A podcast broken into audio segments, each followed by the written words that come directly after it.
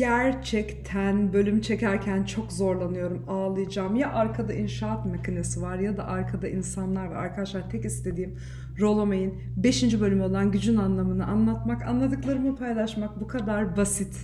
Ya bunu iki aydır yapamıyorum. İki ay oldu bölümü okuyalı ve gerçekten kendime o kadar kızgınım ki. Bugüne kadar ki yapacağım en güzel bölüm belki de. Ya onu da gerçekten etraftaki seslerden ve insanlardan bir türlü yapamadım. Ama şu anda boş veriyorum ve başlıyorum. Ve umuyorum ki benim sesim onlarınkini bastıracak. Evet uzun bir bölüm. 15 dakikaya sığacak mı bilmiyorum. Instagram'a sığmasını istiyorum aslında. Sığması için her şeyi yapam yapacağım. Her şeyi ne yapacağım? Çok hızlı anlatmaya çalışacağım. Ama eğer olmazsa da bir noktada böleceğim tabii ki. Mecburen. Şimdi herkese iyi 2021'ler her şeyden önce. Şu anda güç nedir? Nasıl bir şeydir? Güçlü müyüz? Değil miyiz? Gücün kaç tane çeşidi var? O tarz konuları inceleyeceğiz kitabın incelediği kadar. Önümde yine notlarım var. Geçen yıldan beri biliyorsunuz ki pandemiden beri böyle bir hobim var. Ee, kitabımızın adı Güç ve Masumiyet. Başlıyorum. Gücün bu kitaptaki tanımı, değişikliklere yol açabilmek veya onları önleyebilmektir. Bu anlamıyla güç var. Bir tane gizli güç denen şey var. O ileride bir değişim yaratabilme potansiyeli demek. Bizim burada inceleyeceğimiz olan ise eylemsellik boyutundaki güç. Yani aksiyona dökülebilen güç. Power. Nereden geliyor bunun kökeni? Pos yine. Possibility. Possibilite. imkan, ihtimal. Bir şeyleri yapabilme imkanı ve ihtimali güç. Bu beraberlik aynı türe, kökenden türemiş. Şimdi güç olmadan olmak mümkün değildir demiş. Bunu eski antik Yunan filozofları da her zaman söylemişler. Yaşam sürecinin kendisi ile ise gücü özdeşleştirmememiz lazım. Çünkü tam olarak aynı şey değil.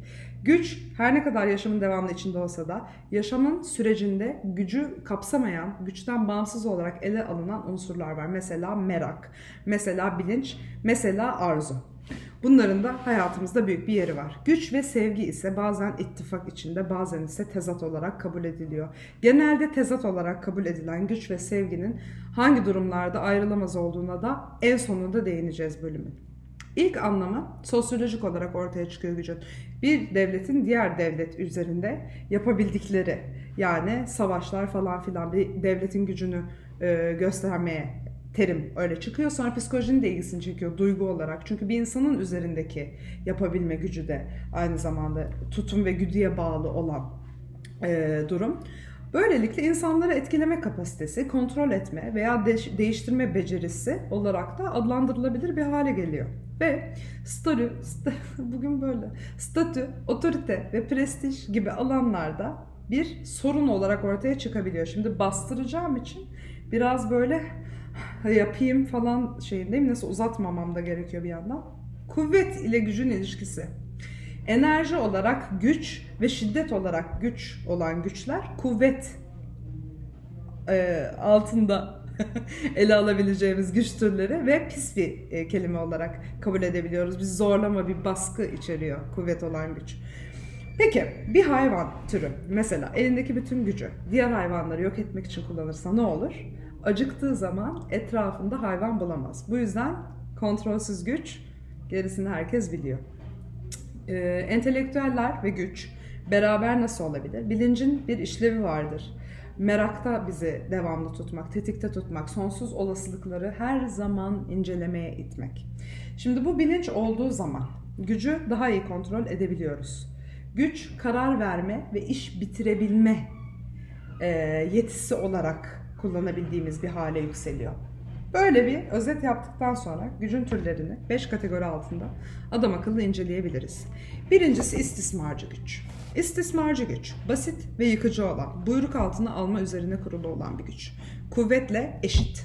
Ateşli silahlar, kölelik, diğer e, uluslara yaptırımlar, insanlara yaptırımlar, zorla olan her şey bu güç kategorisine giriyor. Günlük yaşamda bunu kullananlar genelde diğer güç türlerini kullanamayan insanlar oluyor. Bir tek bunu bilenler istismarcı güce yöneliyorlar. Daima bir şiddet veya şiddet tehdidinin potansiyel olarak bulunması demek istismarcı güç demek. B. Yavaş yavaş daha yumuşak güç türlerine doğru geçiyoruz. Manipülatif güç. Manipülatif güç, çaresizlik ve kaygı durumundaki olan insanların, bir önceki bölümde incelediğimiz Mercedes örneği gibi, onların üzerinde kurulan güç demek ve silahlı adamın yerini burada sahtekar adam alıyor. Edimsel koşullanma demiş. B dot F dot Skinner denen adam yani hali hazırda zihinsel açıdan sınırlı olan insanların üzerinde biz rahat manipülasyon kurabiliyoruz. Biz derken hepimiz bütün bu güç türlerini bu arada içimizde barındırıyoruz. Belli noktalarda ortaya çıkıyor bu güç türleri. 1930'dan 1933'ten önce Almanlar zaten gergindiler. Zaten ekonomik olarak dardaydılar. Zaten bir şekilde manipülasyona çok açıktılar. Bu sayede bu kadar rahat kontrol edilebildiler gibi bir örnek vermiş. C. Rekabetçi güç. Rakip karşısında kendini konumlandırdığın zaman o alçaldığında sen yükseliyorsan eğer bu rekabetçi güç oluyor ve e, diğerlerine göre daha e, nasıl diyeyim zararsız bir güç türü. Mesela savaş ihtimalini azaltıyor teknolojideki rekabet. Kim aya gidecek, kim daha fazla tıpta ilerleyecek gibi bir güç savaşında olduğumuz zaman ister istemez istismarcı güçten uzaklaşmış oluyoruz. Birinin size karşı olması, birinin sizin üzerinizde ya da altınızda olmasından daha iyi bir güç e, durumu. Daha iyi bir konumlanma diyelim.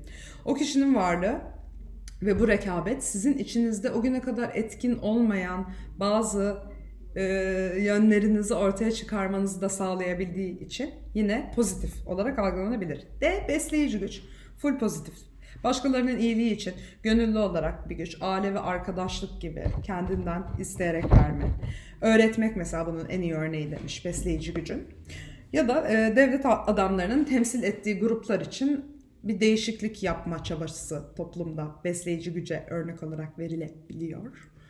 Aldık ikinci A3'ümüzü. Bütünleyici güç E sonuncusu. Beraber E. Beraber olan güç tez ve antitez olarak birbirini desteklemek. Yani eleştiriler, eleştirilere açık olarak eleştirilerden beslenmek. Çok kötü Türkçem bugün. eleştirilerden beslenmek. Mesela biri size eleştiri getirdiği zaman ne olabiliyor? Siz ona karşı konumlanıp savınızı güçlendirme gereği duyabiliyorsunuz. Ama buna başka türlü de cevap verebiliyorsunuz. Mesela manipülatif güce kayabiliyorsunuz karşılık olarak. Yani güç kullanarak eleştireni susturmak. İkinci seçenek ne? Rekabetçi güce kayabiliyorsunuz. Ya o aptal falan ben biliyorum gibi bir sidik yarışı. Başka besleyici güç. Ama yine biraz böyle şey. Onun kafası karıştı. Benim ona öğretmem lazım deyip kendini bu sefer başka bir konuma koymak gibi de tepkiler verebiliyor ki bunlar e, çok şey değil.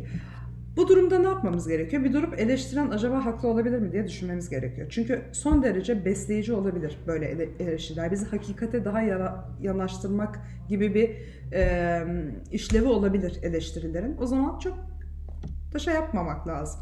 Şimdi hafıza demiş. tıp tıp tıp atlıyorum çok uzun bölüm. Hafıza insan anılarını imajıyla birleştiremezse başarısızlığını nevroz veya psikozla öder. Yani bunun üzerine düşünmeniz için ufak es.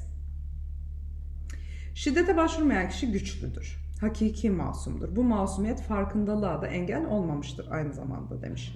Bu beş güç türünün hepsi demin de dediğim gibi içimizde bulunur. Farklı dönemlerde ortaya çıkar. Farklı oranlarda yararlanırız ama e, barındırırız. Önemli olan regüle etmek. Güç ve sevgi. Bunlar birbirleriyle nasıl alakalı iki tane terim bakacak olursak. Geleneksel görüş bu ikisinin beraber var olamayacağı yönündedir ama böyle bir şey yok. Baş başına bir örnek verelim. Afrodit ile Ares. Savaş tanrısıyla aşk tanrıçası birleşiyor ve çocukları ne oluyor? Eros. Bir tane daha çocukları var Harmony. Oraya birazdan geleceğim. Şimdi bu geleneksel güçtür diyor ki sevme kapasitesi geliştikçe manipülasyon ve gücün diğer yönleriyle daha az ilgilenilir. Bu bir varsayım diyor yazarımız Rolome. Niçin? Çünkü buradaki sevgi e, ontolojik açıdan yalnızca ele alınıyor ve yani aslında bir varoluş hali olması, öyle algılanması gereken sevgi diğer geleneksel algı tarafından sadece bir duygu durum olarak algılanıyor. Halbuki hem güçlü olma hem sevme bir being durumu, bir varoluş şekli. Oraya geldiğinde dolayısıyla bu ikisi de beraber var olabiliyor. Güç, hükmetme ve şiddetken sevgi, eşitlik ve esenlik şeklinde algılanıyor. Şart değil. Beraber olmaları. Mesela ebeveyn sevgisi sebebiyle çocuğa karşı güçten feragat ederse bu örnek vermiş. Neden böyle değil. Sahte masumiyettir demiş. Çünkü orada aslında iyilik yapmıyor ve sevmenin zorluğundan kaçmış oluyor bir şekilde. Sevme çok daha kapsamlı. İçinde tabii ki gücü de şiddeti de barındıran zaman zaman çok güçlü bir şey sevme ve tam olarak onu yaşamak olmuyor o zaman güçten feragat etmek. Çocuğa karışmamak, bir şekilde psikolojik e, geri çekilme falan filan demiş. Sevmenin zorluğunu hafife alır demiş kendi kelimeleriyle. Güç ve sevginin ilişkisi. Kişi ilk başta kendini sevmelidir tabii ki de ve e, kendi içinde sevebilecek güçte olmalıdır dışarıyı. Kendi içinde sevebilecek güçte olmak için önce kendini sevmen gerekiyor diye yorumluyorum ben. Çok da zor bir yorumlama olmadı zaten. İkisi de ontolojik, ikisi de olma süreci demiş. Afrodit'le Ares'e geldik. Şimdi içinde saldırganlık olmayan sevgi olmuyor. Eros'u anlatırken bunu kastediyor. Yani sevgi tamam Afrodit'in çocuğu ama Ares de var içinde. Bu Eros, bu Eros. Şunu da yaptırmışken ne güzel her yerde karşıma çıkıyordu gösterebiliyorum. Ondan sonra şiddet. En çok duygusal olarak birbirine yakın olan insanlar arasında olur. Karşılıklı savunmasızlıklarına çünkü hakimdirler ve o yakınlıktadırlar. Cinayetlere de bakacak olursak en fazla cinayet yatak odasında işleniyor. Bir böyle ekstra info. Kıskançlık kişinin diğer kişinin yokluğunun onda hissettirdiği tehdit ölçüsüyle doğru orantılı bir şey.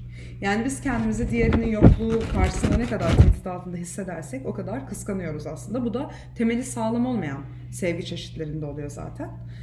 Ee, nevrotik kıskançlık deniyor buna. Kişinin diğer kişiyi geri kazanamaması durumunda ortaya çıkıyor. O hissin bir yansıması. O derece kıskançlık. Sevgiden çok güç peşinde olmak oradaki kıskançlık demiş. Nevrotik kıskançlık için. Zaten sorunlu olan ilişkilerde sevgiyi kanıtlamak aynı zamanda. Şimdi e, okumak istediğim iki tane yer vardı ama önce yine de bitiriyorum. Bir dinle ilgili bir yer var. Oraya ben hiç girmeyeceğim. Çok din yorumlamak istemiyorum ama çok güzel yorumlar var. WhatsApp. Neşe de. Efendim Doğan şu an değil. Bir şey çekiyorum. Lütfen. Tamam gelsin. Neşe. Boyun eğme ve feragetten değil. Aşkım hoş geldin. Kendini ortaya koymadan gelir. Teşekkürler. Ya, ya.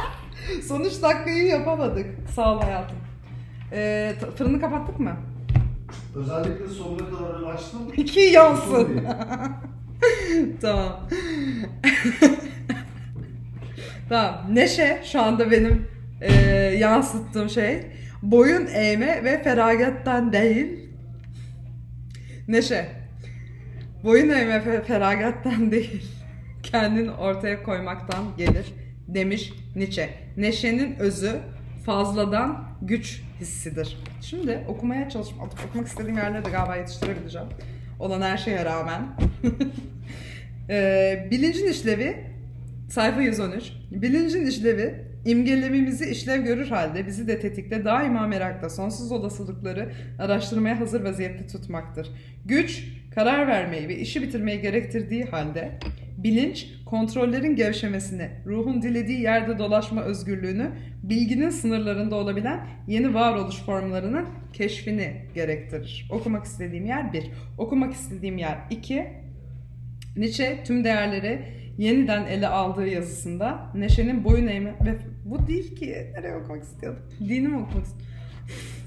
Arkadaşlar. Evet.